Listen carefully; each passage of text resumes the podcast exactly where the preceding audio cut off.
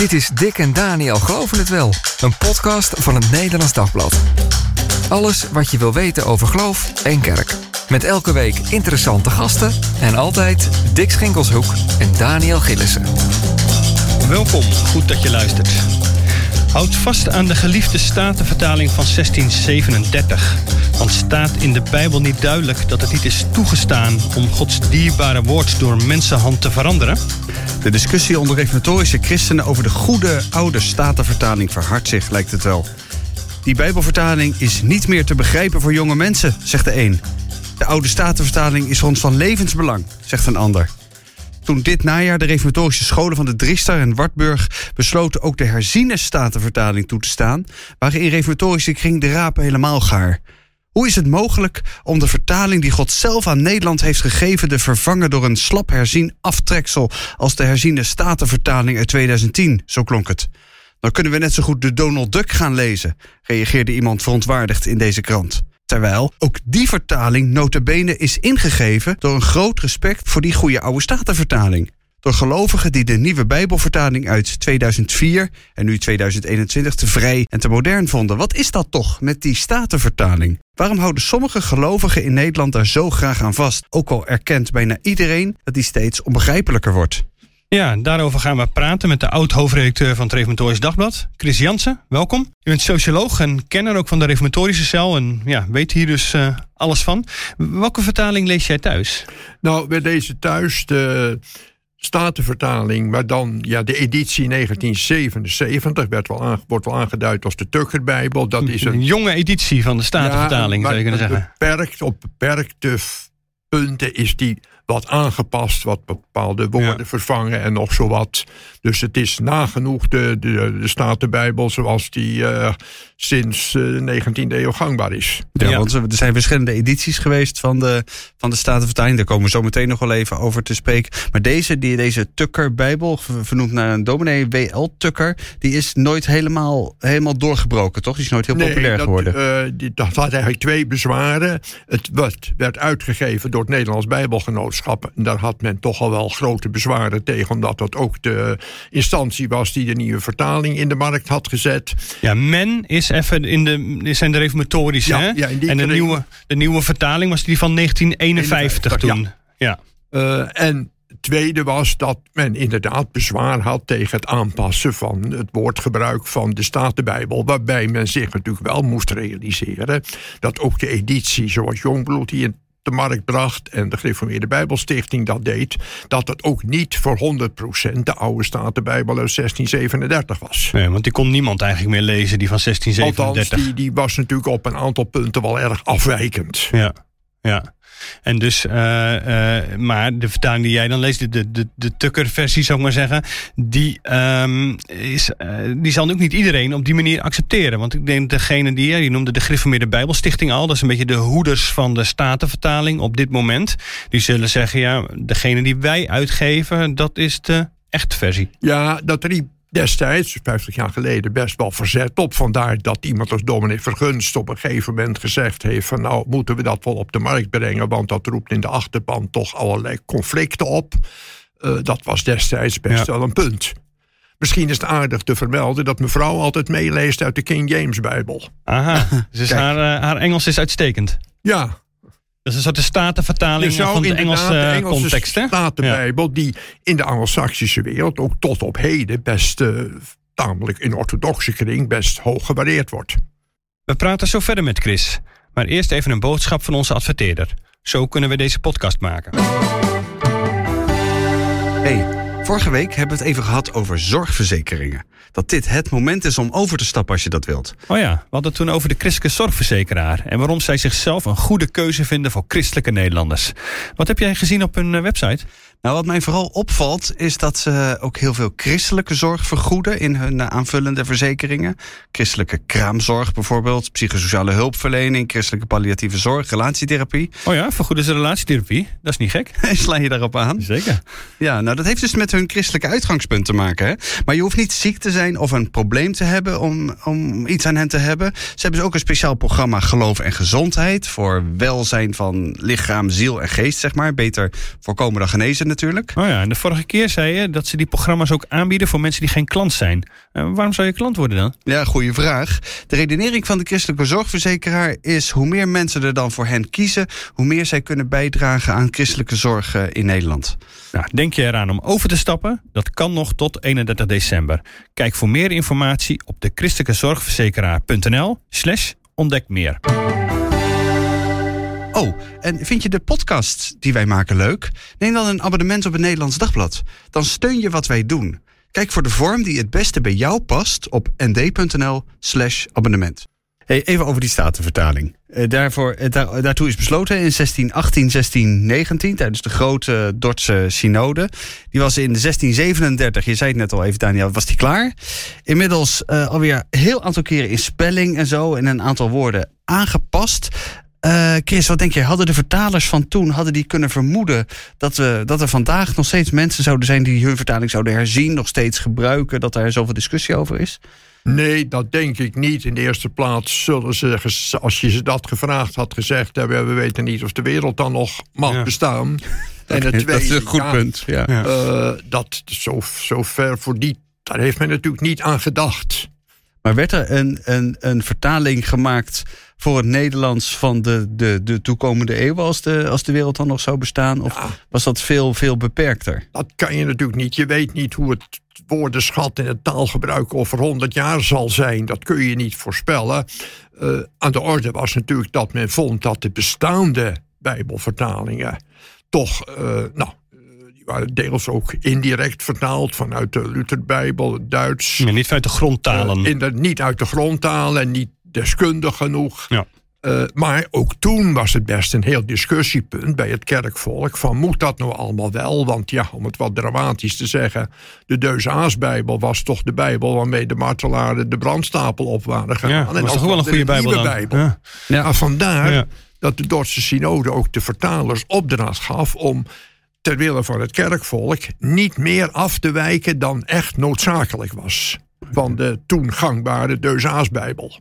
Ja. Want die, uh, die, maar die staatvertalers die doen wel een paar ingrijpende dingen. Zo ver, vermijden ze dat woordje du, hè, het toenmalige jij, zeg maar, uit het, uh, uit het oude Nederlands. En ze vangen dat door, door gij. Dat was een hele moderne ingreep voor die, uh, voor die tijd. En dit is een hele moderne vertaling. Ja, waarbij je ook moet realiseren dat gij, dat klinkt nu heel plechtig, maar was toen niet echt speciaal plechtig. Nee, ik ben in Brabant opgegroeid en daar is gij ook nog de gewone aanspraakvorm. Je zegt tegen een kind, wie zei de gij? Ja. Ja. ja. Um, die Statenvertaling, waarom is die nog steeds zo uh, zo dierbaar. Er zijn inmiddels allerlei nieuwe inzichten in, de, in die grondteksten. Uh, er zijn ook betere versies van de oorspronkelijke Bijbeltekst. Voor het Oude Testament kan nu bijvoorbeeld gebruik worden gemaakt van de Dode Zeerollen. Die natuurlijk in de tijd dat de Statenvertaling werd gemaakt nog helemaal niet, niet, niet gevonden waren. Maar ook voor het Nieuwe Testament zijn er allerlei betere handschriften. En toch zijn er mensen die zeggen, nee, maar wij willen heel graag hier aan deze vertaling vasthouden. Want dat komt voor ons het dichtste in de buurt van het geopenbaarde woord van, uh, woord van God. Wat voor, wat voor motieven zijn daarvoor? Ja, dat heeft natuurlijk mee te maken in de eerste plaats dat de Bijbel in deze kring een heel centrale betekenis heeft. Veel meer dan nou, van ouds in Rooms-Katholieke kring. Dat, dat, heeft men veel minder band met een Bijbel en een Bijbelvertaling. Mm -hmm. Ook nog wel minder dan nou, in het midden van de protestantse wereld. Dus de Bijbel is voor deze mensen heel centraal. Uh, nou, aan tafel wordt er uh, uit de Bijbel gelezen. Uh, dus dat is één ding. En het tweede is dat men toch zich sterk oriënteert op het gereformeerde verleden. Uh, vast wil houden aan de beleidenis. Uh, dat men georiënteerd is op, op theologen, theologische boeken uit de 17e, 18e eeuw. Oude, en oude psalmen? Oude psalmberijming van 1773 of hier en daar zelfs van Dateen. Die is van 1566 of zo. Ja. En in dat kader is ook de binding, uh, moet je die plaatsen aan de, aan de oude Statenbijbel. Ja, en toch zullen veel mensen dat niet helemaal kunnen vatten. Want je wil hem toch zo, ja, het woord van God zo begrijpelijk mogelijk tot je krijgen. Om het ook goed te kunnen begrijpen, om het te kunnen toepassen. Is dat, geldt dat voor reformatorische niet dan? Ja, maar in de eerste plaats is natuurlijk ook, het is niet altijd rationeel, het is ook een gevoel. Taal, taal is geen wiskunde. Als je, als je aan bepaalde zinnen en woorden en teksten gewend bent, die heb je vroeger uit je hoofd geleerd, net mm. psalmversen, ook al is de tekst dan wat, wat antiek, dat heeft toch een bepaalde gevoelswaarde waar mensen niet makkelijk van afstappen. En ja, het is natuurlijk ook zo, het sluit aan inderdaad bij de taal van, van de psalmberijming en deels en bij de taal van de beleidenisgeschriften, bij de taal van oude preken die soms gelezen worden. Uh, maar het is natuurlijk ook zo, naarmate de tijd voortschrijdt, wordt die afstand wel groter. Ja. Ja. Maar het bepaalt eigenlijk ook de identiteit van deze groep. Ja, is, hè, waar je zelf ook toe behoort. Jij kent dat uh, van binnenuit. Ja. En dan is het gewoon... Ja, Dit is onze taal. Het hoort erbij. Ja. ja. en het schermt ook af van... Nou, dat was zeker uh, in het verleden zo. Van nou, welke dominees en welke gemeenten gebruiken de nieuwe bij, de Bijbelvertaling van het Nederlands Bijbelgenootschap. De nieuwe vertalingen. Welke houden vast aan de Statenvertaling. Op die manier kon je de, de christelijk gereformeerde kerken indelen. Ja. Ja, precies. de kerken, binnen ja. de Griffemidde Bond, binnen de, ja, de, toen nog een Nederlandse vormde kerk, kon je zo zien, zeg maar, van wie, wie is er een beetje licht, wie is er een beetje, wie, is er, wie, wie hoort er meer, nou ja, bij ons, zou je kunnen zeggen, bij het wat zwaardere deel. Ja, maar toch, dat van, die, dat van die gevoelswaarde van taal herken ik wel. Ik kan bijvoorbeeld de, de nieuwe Bijbelvertaling van 2004, die, eh, we zitten in, in mijn wennen, kerkelijk hoek, precies, die wordt daar veel, veel gebruikt. Maar die hadden ineens in plaats van de kribben, bedoel, we gaan nu weer naar kerst toe, in plaats van de kribben was het ineens de voederbak geworden. En ik moet eerlijk zeggen, uh, bedoel, noem me ouderwets of niet, maar ik ben daar, daar nog steeds niet aan gewend. Dus dat is natuurlijk best een valide argument dat iets is ingesleten in een kerkelijke praktijk aan woorden. Nou, uh, neem het Onze Vader bijvoorbeeld. Ja. Onze Vader is volgens mij sinds de 19e eeuw al niet meer aangepast in de nou, ik denk eigenlijk over alle, alle kerken waar onze vader hardop gebeden wordt, is dat nog steeds in die oude woorden. Ook al heeft de nieuwe Bijbelvertaling al lang een hele andere vertaling. Of marginaal, maar inderdaad, dat viel wel pas ook nog op. Dat ook in een nou, moderne christelijk gereformeerde kerk men toch die de voor mij bekende versie hanteerde. Ja, precies. Want die kent iedereen uit zijn hoofd. Ja. En die wordt ook weer zo doorgegeven aan de volgende generatie. Ook al is er dus een andere versie. Dus in die zin is taal inderdaad. Uh, wil je dat ook een beetje bij jezelf houden? Is dat ook de taal van het hart? Ja, tegelijkertijd, zei ik al, moet je natuurlijk realiseren dat naarmate de tijd voortgaat, uh, het probleem alleen maar groter wordt. Ja. Destijds ben ik gevraagd om in een afscheidsbundel voor uh, Bert Scholte, de scheidende directeur van de Gereformeerde Bijbelstichting, wat te schrijven. Toen heb ik gezegd: ja, je hebt problemen. Dan kun je zeggen: ach, dat gaat vanzelf over.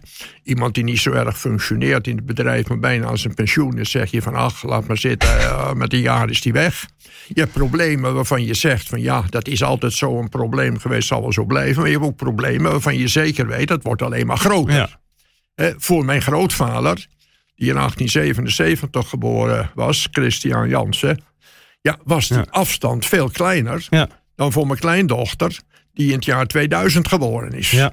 Ja. En ik zit er tussenin. En daar moet je dus wel wat mee. Inderdaad, het, je kunt gewoon op je, nou, op je klompen aanvoelen, die afstand wordt steeds groter. Ja, nou ja, ja. sterker nog, je noemt het vrij uh, hard schadelijk conservatisme. Ja, en dan is het niet verstandig om dan te zeggen, ja nee, maar we veranderen niks aan de Bijbel. Te meer dat het ook toch niet de oude Statenbijbel is. Je zou je een beetje voor kunnen zeggen, je zegt, ja, nou dat is toch wat om daaraan te veranderen. Maar dat is toch al gebeurd in de 19e eeuw. Ja, want uh, de, wijf, de, editie die we hebben is die van 18, 1888. Ja, het wijf uit de tien geboden is nou toch de vrouw geworden. Ja. Dan hebben we toch een andere gevoelswaarde bij als je het over Inderdaad. wijf of vrouw hebt. Ja. En dat is in brede kring gebeurd. Eh. Ja. Ja. Uh, en al wat, uh, al wat tegen de wand watert is al wat mannelijk is uh, geworden. Ja. Ik vind dat eerste overigens wat beeldender dan het tweede, maar ja, het is wel begrijpelijker. Ja. Dus we hebben het al lang niet meer over de Statenvertaling van 1637. Nee, waarbij natuurlijk de wijzigingen ook weer niet heel dramatisch zijn hoor. Ik heb dat, kan het niet in een percentage uitdrukken, maar kijk, het sluit heel behoorlijk aan. Maar er zijn een aantal wijzigingen die destijds ook wel discussie hebben gegeven. Dan moeten we wel een even teruggaan dat in sommige kerken toch wel bezwaarlijk werd gevonden. als in plaats van de tien geboden, in plaats van wij, vrouw werd gelezen.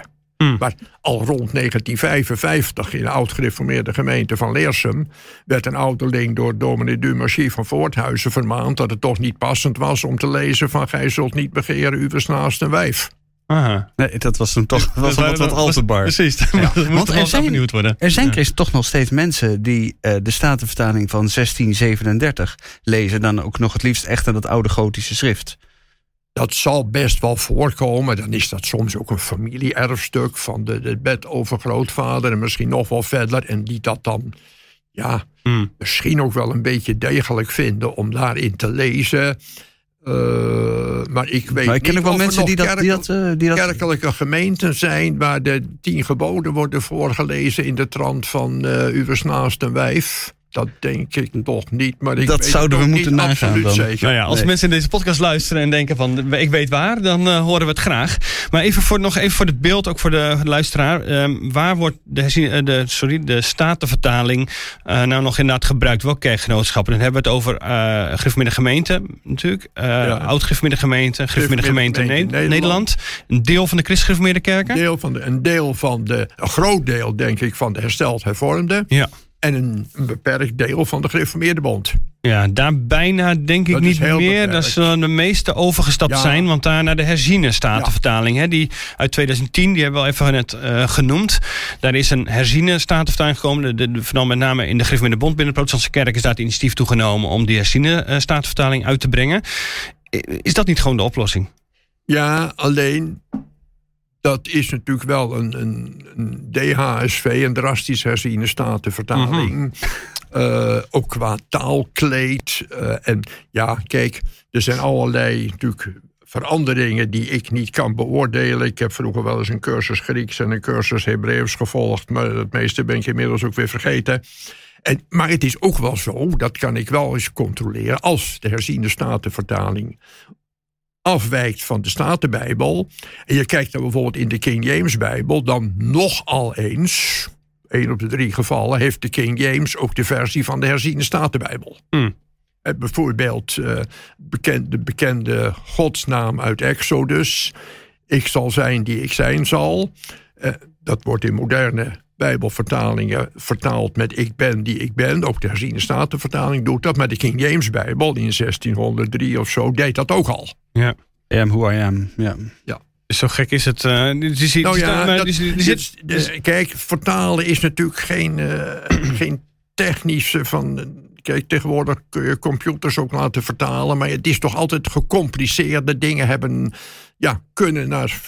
Althans, een aantal woorden kun je toch verschillend interpreteren. En trouwens, in de kanttekeningen bij de Statenbijbel geven de Statenvertalers ook vaak een alternatieve vertaalmogelijkheid. Die ze toch niet gekozen hebben, zeggen ja, het zou ook zo gelezen kunnen worden. Ja. Maar nu is in de, in de kerkverbanden die we, eh, die we net opzonden met elkaar... is er heel veel eh, verzet geweest tegen die herziende statenvertaling uit, eh, uit 2010. Eh, ja, ik denk dan meteen kerken accepteren die niet... omdat die niet uit hun eigen koker komt. Want verder, ik moet eerlijk zeggen dat de argumenten die daarvoor worden genoemd... als ik ze bekijk, vind ik ze niet heel erg overtuigend. Nee, daar heeft het natuurlijk best mee te maken. Eh, ja, gereformeerde Bijbelstichting heeft zich natuurlijk erg gebonden aan de oude Statenbijbeltekst. Hebben allerlei eh, zinvolle en mooie projecten van Bijbelverspreiding in het buitenland gesteund.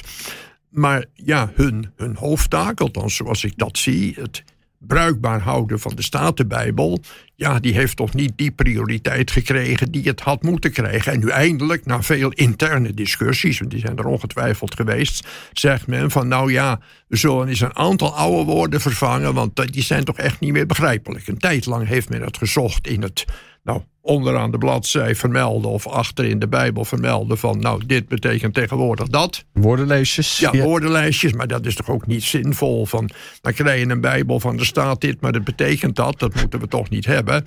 En nu is men zover dat men zegt van ja, nou goed, een aantal woorden zullen we dan vervangen, maar dat ligt moeilijk. Want niet iedereen in de achterban van de GBS accepteert dat. En men gaat er ook wel heel, heel, heel minimalistisch mee om.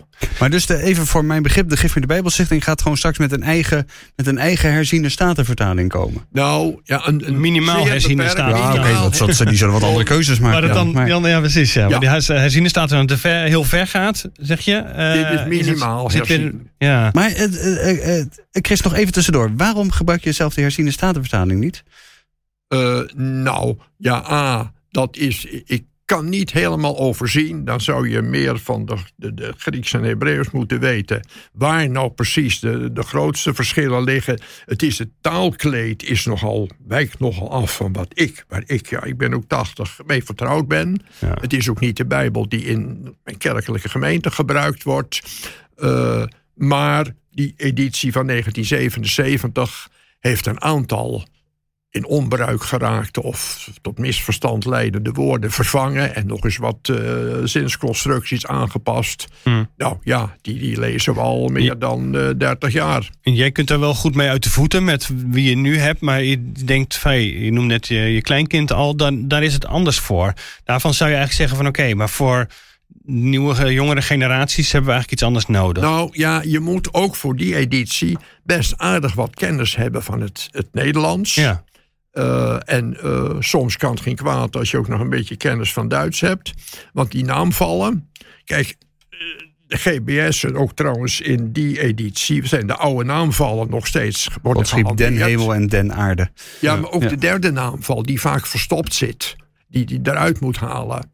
Maar ja, naamvallen. Mijn vader had het op school nog geleerd. Maar die was van 1914. Nu denk je aan Duits alleen maar. Ja, Voor de rest, als je een eh, beetje een Nederlander Duits- heeft er het geen... kan geen eh, kwaad. Als je wat Duits kunt, dan kun je er makkelijker mee omgaan. Ja, precies. En ja, ik ben zelf, nou, toch een beetje, nou, ik ben niet voor niks journalist geweest. Dus bij gevoel voor taal, enige Ja. kennis van de Nederlandse taal. Dus je kan daar best mee omgaan.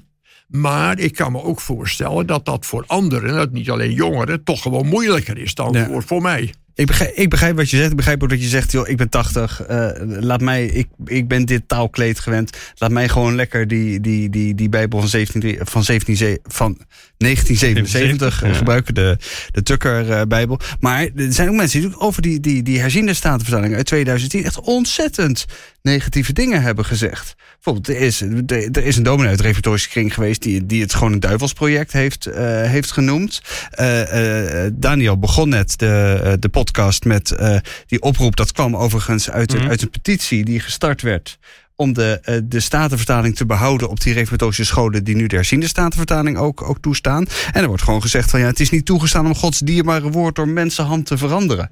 Eh, wat dat betreft, eh, dat is nog wel iets meer dan. eh dan Dan ja, het is, een- ja. ja, het is een ander taalkleed. Ja, nou, dat laatste is natuurlijk, dat is, ja, domheid. Ik weet wel dat. ik ben wel eens op ja. een, ook op een, een jeugdvereniging ben ik wel eens geweest van de oud-gereformeerde gemeente, waar dat gezegd werd door iemand. Toen heb ik uitgelegd van ja, dat als dat in openbaring staat, slaat dat natuurlijk niet op onze Bijbelvertalingen, maar slaat het op de oorspronkelijke tekst van de Bijbel. Ja. Want ook Dus dat is gewoon wat je zegt, domheid. Mensen ja, weten dat is gewoon niet. domheid. Omdat, het- kijk, je moet je natuurlijk wel realiseren dat voor veel mensen, en ook wel voor een aantal predikanten, de oud-gereformeerde gemeente bijvoorbeeld, de Statenvertaling natuurlijk het enige is waar ze gebruik van kunnen en willen maken. Ja. Door, de, de, door beperkte studie ja, van de, de- de- eh, van de de- grondtalen. Ja, ja. grondtekst voor hen niet toegankelijk is en de, de King James Bijbel wellicht ook niet te lezen is. Eh, dus dan is de Statenbijbel valt wel s- echt wel samen voor die mensen met het woord van God. Terwijl je natuurlijk Ja. nog moet realiseren. Het is een vertaling daarvan. En er zijn andere, ook in de tijd van de Reformatie, andere vertalingen geweest in andere talen. die op, nou, grosso modo natuurlijk dezelfde inhoud hebben, maar op onderdelen soms toch verschillen. Ja. Mhm. En dan Dus zijn er dat nog je zegt de- van, hé, hey, ja, die kiezen een wat andere lijn. Je hebt die geschiedenis in de Bijbel van de dochter van Jefta. In de Nederlandse traditie geldt toch wel van, ja, Jefta zijn dochter gedood. Nee, nee, dat kun je je toch niet voorstellen. Het is niet zo. En dan staat er ook van de dochters van Israël die kwamen om Jefta's dochter aan te spreken. In de Engelse traditie is toch iets meer in de reformatorische traditie van ja, het staat er dus, het is ook zo. En dan in de King James Bijbel komen ze om de dochter van eh, de Mo- Morning, dus de beklagende dochter van Jefta. Ja, het ging over die belofte die Ja, hij gedaan inderdaad. had. Van de Ja, eerste die ik tegenkom, die... eh, de Bijbel kennen. maar ja, precies. zie De eerste dat- die ik tegenkom, die, eh, een die bepaalde breng ik om. Of zo, traditie werkt ook door in, ook in, in de reformatorische gereformeerde bijbelvertalingen.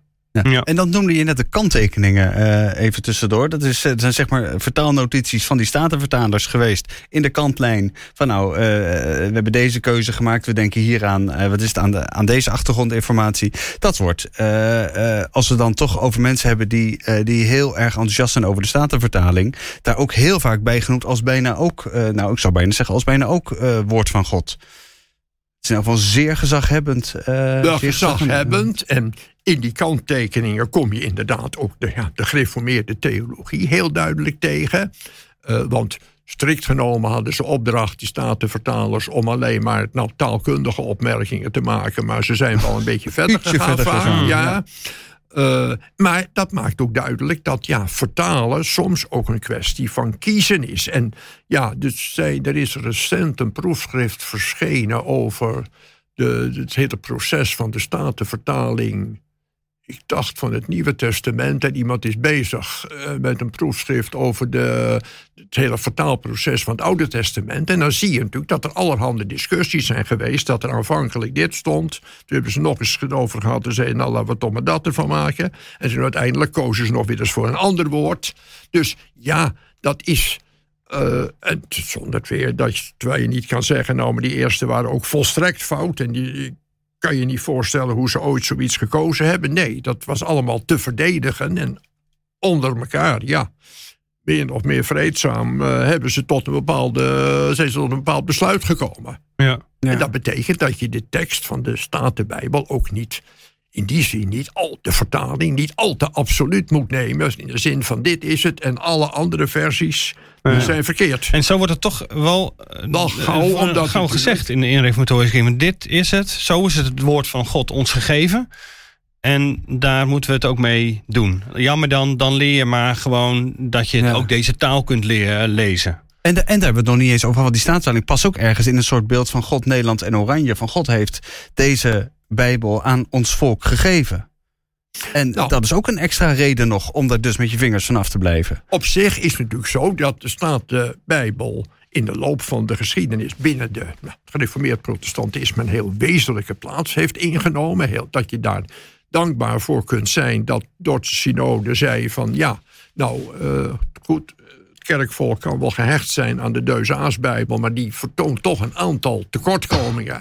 We moeten nou, nou echt eens eh, tijd en geld erin steken. De staat betaalde dat destijds vanuit de naam Statenbijbel. Ja. Om een, nou, een Bijbel vanuit de grondtalen regelrecht te vertalen. En dan moet door Een de nieuwe vertaling in die tijd. worden. En dan moeten we de tijd voor nemen. Dat heeft ook eh, nou, een kleine twintig jaar geduurd. Ja. Eh, en dat is waardevol.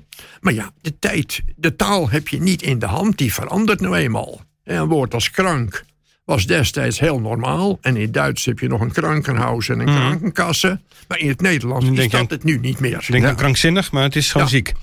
Ja, ik had Ehm, er trouwens ook nog een heel leuk voorbeeld van gevonden. uit, eh, eh, over, het- wij waren deze podcast aan het voorbereiden over Kain. Eh, dat in Genesis 4 wordt gezegd dat Kains aangezicht verviel in de, eh, in de Statenvertaling. En eh, nou, de, de nieuwe Bijbelvertaling van, van 2021 die heeft er dan van gemaakt: zijn blik werd donker. En de herziende Statenvertaling, toen liet hij zijn hoofd zakken. Dat zijn natuurlijk allemaal. En volgens mij is zijn aangezicht verviel, is volgens mij verreweg de meest letterlijke vertaling ook van het Hebreeuws. Maar ik denk ik volstrekt onbegrijpelijk als je, als je wil, een voorstelling wil maken van wat dat betekent. Dat is natuurlijk inderdaad een ander discussiepunt. Moet je heel strikt aansluiten bij het bestaan, bij het, nou, de woordkeuze en, en zo letterlijk mogelijk vertalen? Of moet je zeggen, ja, we kunnen wel heel letterlijk vertalen, maar dan snapt niemand meer de betekenis. Maar je moet je ook uitkijken voor al te vrije keuzes. Want dan zie je natuurlijk vaak, als je die die weg opgaat, dat dan ook de ja, theologische oriëntatie van de Bijbelvertaler een rol gaat spelen. Ja, precies. En dat was ook wel de kritiek die er op een nieuwe Bijbelvertaling van 2004 en later de versie daarvan van 2021 dan is. Het is te veel, ja, zoals je dat noemde, doeltaalgericht. Dus de, naar het Nederlands vertalen zo dicht mogelijk, zo begrijpelijk mogelijk. En dan kreeg je die kritiek van ja, maar daarmee doe je ook wel weer af aan de oorspronkelijke uh, taal van de Bijbel. Ja, en dat heeft natuurlijk ook te maken met een, ja, hoe kijk je, hoe kijk je naar de Bijbel? Uh, maak je echt een, een kanonieke vertaling? Mm. Ga je uit van de eenheid van de godsopenbaring? Of zie je de Bijbel meer als een verzameling van boeken waarin mensen in de loop van de geschiedenis hun, hun, hun geloofservaringen hebben weergegeven? Ja. Maar goed, in de reformatorische kring, daar zijn ze volgens mij wel allemaal over eens. Van het, is, uh, het is Gods woord waar we het over hebben. Maar die willen we wel op een manier brengen. Uh, zodat een, een deel in elk geval zegt van we moeten zorgen dat ook jongere generaties het kunnen begrijpen. Het verzet tegen nou ja, zeg maar de, houding die de Gereformeerde Bijbelstichting, de hoeder van de Statenvertaling, uh, dan heeft, die wordt wel wat massiever, heb ik het idee. Hè. Laatst schreef dominee Jaap Kiefiet in, in het RD. Die zei ook van, hè, het is allemaal heel leuk um, dat, dat, je, dat mensen zich moeten beijveren om de, de Bijbel in dat nou ja, oude taalkleed uh, te lezen. Maar ja, dat is eigenlijk helemaal strijdig met de geest van de Reformatie. En hij zegt er ook een beetje een steek onder water. We hadden het er net al even over. Het is zeker als deze, dat deze eis wordt gesteld door predikanten die zelf geen mogelijkheid zien om die eigen Bijbelse talen zich eigen te maken. He, die dus inderdaad geen Grieks en geen Hebreeuws spreken zelf of spreken uh, kunnen lezen. Uh, dat is natuurlijk een flinke steek onder water naar, uh, naar die predikanten in ja, de gemeente, oud de gemeente, die dat niet kunnen. Zo van ja, jullie moeten, wat je net ook al zei, dat is voor hen de Bijbel.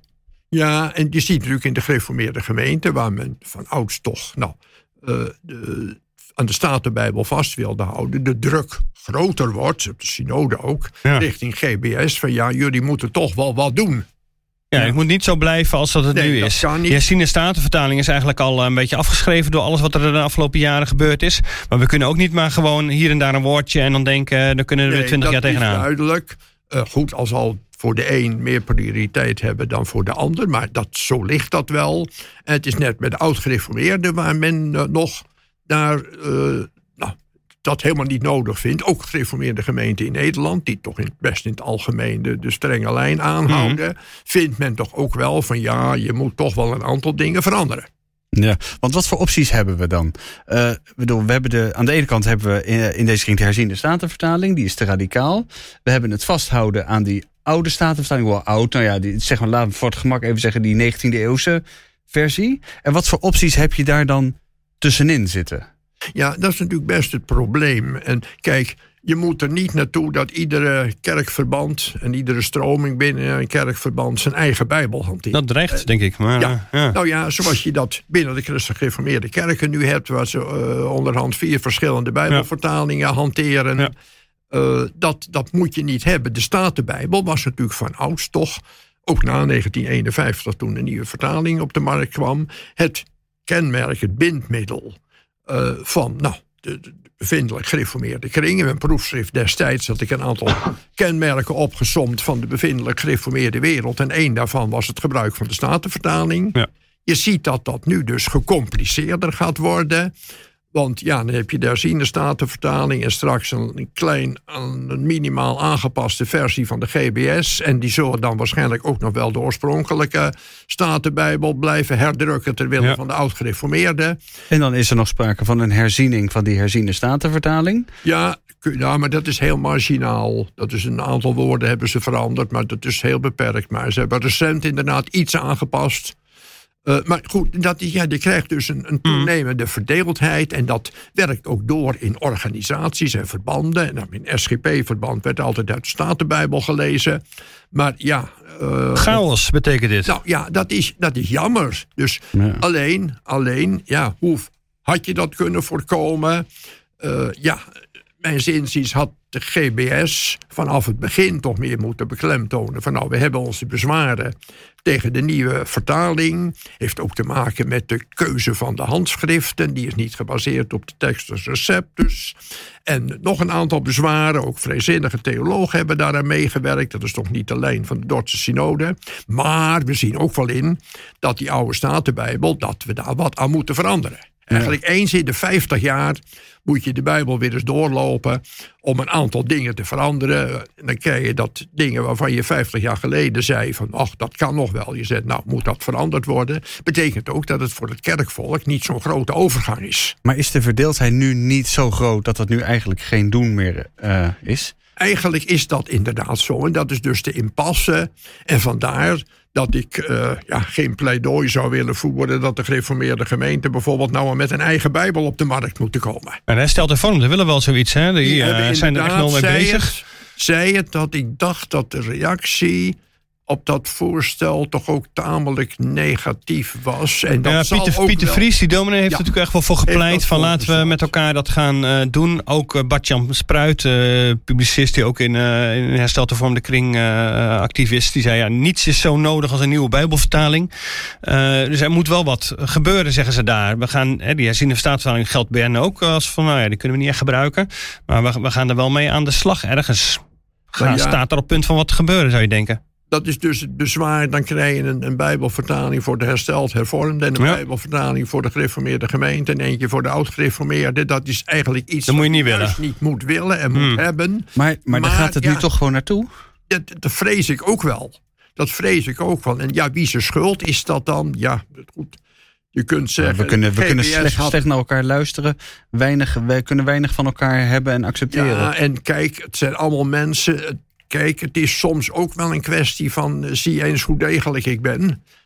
Eh, en Hmm. dan de degelijkheid eh, komt vooral tot uitdrukking in het... Nou, eh, het hanteren van de oude naamvalsvormen. Hmm. En Ja, en gij voor God en niet u. ja, ja. gij voor God vind ik... ik ben, maar ik ben een Brabander kwam Ja, u- zei Gij net al. vind ik voor God eigenlijk wel gepast. Ja, waarom? gezegd. Ja, nou, dat, Want gij is toch gewoon u tegenwoordig? Ja, maar juist omdat bij God natuurlijk toch om wat anders gaat dan om een buurman. Ik spreek mijn buurman met jij aan tegenwoordig. Ja, dat maar- is natuurlijk ook een tendens. En in het Engels, kijk, het ligt altijd ingewikkeld. Ja. In het, Zee- in het Brabants is gij dus de normale omgangsvorm. In het Zeeuws Ja. kent men geen beleefdheidsvorm. Mijn Nee, vader ja. is het je. Precies. Maar. In Amsterdam hadden we vroeger de gereformeerde gemeente... een ouderling kwam uit Zeeland, of die man werd ouderling... en in zijn gebed sprak die God met jij aan. En toen Ja. kwamen de klachten uit de gemeente. Maar Ja. Dat vonden ze niet passend. Maar thuis en in zijn ouderlijk huis werd dat altijd in het gebed zo gedaan. Dus Ja. nou, dingen liggen allemaal... Ja, Allemaal cultuur toch, uiteindelijk? verschillend. Eh, maar op zich, gij, ja, vind ik toch wel... Dat is nou, voor- hoeven ze voor mij niet te veranderen. Maar goed, als ze dat zouden doen... Ja, was voor, het je, voor, voor je kleindochter misschien wel. Ja, misschien wel, maar op zich iets van de hoogheid en verhevenheid van God mag er best in doorklinken. Maar ik, tegelijkertijd weet ik ook dat in Brabant kinderen met gij worden aangesproken. Precies, daar is gij Ja. hetzelfde als Ja. jij, Ja. zeg maar. Ja. Ja. Dus in die zin. En eh, ondertussen, eh reformatorische scholen, nou, we hadden het net over de, de Wartburg, de Driestar. Die hebben onderzoek laten doen onder hun leerlingen. Wat lezen jullie nou thuis? En dan blijkt dat 80% inmiddels herziende statenvertaling is. Dat, betekent, dat is toch wel een signaal dat Thuis het is toch om. ook een, dat thuis al lang om is. Ja, met name, nou, Wartburg Driestar is een school met een wat bredere achterban dan andere reformatorische scholen voor voortgezet onderwijs. ja, maar ook veel GGM eh Ook best, kinderen. maar Maar goed, laat het dan ergens anders twee derde zijn. Ja, daar kun je, zou je van kunnen zeggen van als de GBS eerder met een wat aangepaste eh, versie op de markt was gekomen, dan was dat wellicht anders geweest. Eh, ja, wat, ja, maar dat is allemaal een gepasseerd station. En nu zit je inderdaad met die verdeeldheid in de achterban, scholen. eh, nou, binnen organisaties, eh, met het Reformatorisch Dagblad is dat ook een punt. Hoe doe je dat? Nou ja, dat is inderdaad iets waar ik ook niet direct een oplossing voor weet. Ja, achteraf gezien. Nou, zeg ik van toen de GBS was, werd opgericht, zo 60 jaar geleden, hadden ze zich ook hadden ze moeten zeggen: Nou, we gaan de Bijbel eens nalopen. En dan moet je een paar jaar de tijd voor nemen, want dat moet je secuur doen. En ook nou, proberen een zekere consensus te vinden op een aantal nou, onbegrijpelijke eh, woorden. Woorden die misverstand oproepen. eh, naamvalsconstructies die niet meer gangbaar zijn. eh, nou, en nog zo wat. Ja, maar eigenlijk- dat is niet gebeurd. Nee, maar eigenlijk ben je al wel in, de, in 2004, zou ik maar zeggen, al in de, nou ja, ik noem het maar even in de aanval gegaan. Door het schadelijk conservatisme te noemen. Dat is toch wel, ik bedoel, in de reformatorische kring praten ze altijd best wel redelijk aardig tegen elkaar. Behalve als je, als je dit zo zegt, is het, is het toch wel heel stevig. Want eigenlijk zeg je dat tegen de GBS allemaal leuk en aardig wat jullie doen, maar dit is schadelijk. Ja, nou, ik heb ondershands ook wel eens, 50 jaar geleden, dominee van Haren. Kijk, dat is al een tijd geleden. Uh, de vroegere voorzitter van de, destijds voorzitter van de GBS, wel eens gesproken van, nou ja, uh, houd toch in de gaten dat dat best toch wel misverstanden oproept. Uh, 30 jaar geleden met dominee Moerkerk wel eens over gehad van onderschat toch niet het probleem. Uh, van de verstaanbaarheid van de Statenbijbel. En nou, ik kende hem goed als studententijd. Ik zei, ja, voor jou is dat geen probleem, want jij uh, kent... Uh, jij, kijk, dat moet je je realiseren als je natuurlijk heel veel in de Statenbijbel leest... en in oude schrijvers leest en oude theologische werken... dan worden die begrippen en die woorden, die worden je vertrouwd. Dan heb ja. je soms niet meer door dat het voor een ander publiek, nee. voor je eigen ja. kerkvolk. Modale kerkgangers. Voor de modale kerkganger toch, ja, dat dat vervreemdend werkt en afstand geeft. Ja, dat je het niet meer snapt of verkeerd begrijpt. Ja, dan moet het toch gewoon afgelopen zijn ermee. Dan je denkt, oké, okay, kom op GBS, jullie zijn voor ons uh, achterland. En doe nou waar je voor, voor bestaat. En dat is die statenvertaling een beetje ja, bij de en tijd kijk, houden. in die afscheidsbundel van Bert Scholte... en Bert Scholte kende ik ook al vanaf zijn studententijd... dacht ik van ja, ik wil daar toch wel eens een keer een paar zinnen aan wijden. Ja, nou goed, hij is inmiddels uh, overleden. Maar heeft hij ook nog gezegd van... Uh, nou, daar heb je wel een punt. Daar hadden we inderdaad meer werk nou, van moeten maken. Nooit tegen mij. Via via heb ik wel eens begrepen. Maar ik kan dat. Ik weet niet hoe betrouwbaar dat is. Maar iemand heeft me wel eens gezegd, die het zou kunnen weten, dat Scholte binnen de GBS, dat moet er al jaren geleden geweest wel eens gepleit heeft voor een, een sobere taalkundige herziening. Die wellicht toch ietsjes verder gaat dan wat ze nu van plan zijn. Ja. Maar of dat een apocrief verhaal is, weet ik niet helemaal. Maar dat is me wel eens verteld. Nou ja. Maar ga je het nog meemaken, denk je? Dat er een uh, gezamenlijke, ja, één bijbel voor het reformatorische volksdeel uh, er uh, zal ik komen? Ik vrees van niet. En kijk, voor de oud-gereformeerden is het een kenmerk van degelijkheid dat ze niks willen veranderen. en, en voor de, nou, gereformeerde bond hebben de herziende statenvertaling nu. Gereformeerde gemeente zit daartussenin. Ja. een deel... Uh, zeker van de kerkvolk. Nou, gebruikt nu al de herziende statenbijbel, omdat die toch makkelijker leesbaar is. Ja. En een ander deel, uh, nou, uh, zit op de lijn van de GBS. Dus dat is ook voor, voor zo'n kerkverband moeilijk om te manoeuvreren. Je wilt de eenheid, althans naar buiten toe, toch zoveel mogelijk in stand houden. ja, dat is hoogst ongelukkig, dat Ja. uh, wil ik Ja. wel zeggen. Dus in de kerk zal het statenvertaling zijn en thuis zijn in statenvertaling. Ja, dat, dat zal je, zal je eh, gewoon krijgen. Ja. Stemt dat je somber? Ja, dat is toch best jammer, want dat had voorkomen kunnen worden. Want het gaat niet om heel gevoelige woorden waarvan je zegt van ja, dat zijn toch heel cruciale begrippen en die worden toch daardoor afgevlakt. Als je eh ijdelijk vervangt door ijdel in de tien geboden, dan verandert inhoudelijk niks aan. Maar, ja, Alleen maar begrijpelijker van. Vroeger was Ja. dat een, een toevoeging eh, van bijwoorden. Ja, maar tegenwoordig doe je dat niet meer zo. Nou, we, we- ik denk dat de discussie nog niet, nog niet beslecht is in elk geval eh, hier. En, Nee, eh, deze is nog niet klaar. eh, maar in elk geval wel voor onze luisteraars een beetje geduid van wat er dan in reformatorisch Nederland eh, eh, speelt. Dank Chris voor je uitleg en eh, hier weer aanwezig zijn om wat voor ons te duiden. Wij zijn er eh, volgende week weer, eh, Dick. Ja, zeker. En vond je het nou leuk wat we doen? Overweeg dan eens een eh, abonnement op het Nederlands Dagblad. Kijk naar de opties eh, die we allemaal hebben. Kies de optie uit die het beste bij jou past op nd.nl slash abonnement. Tot volgende week.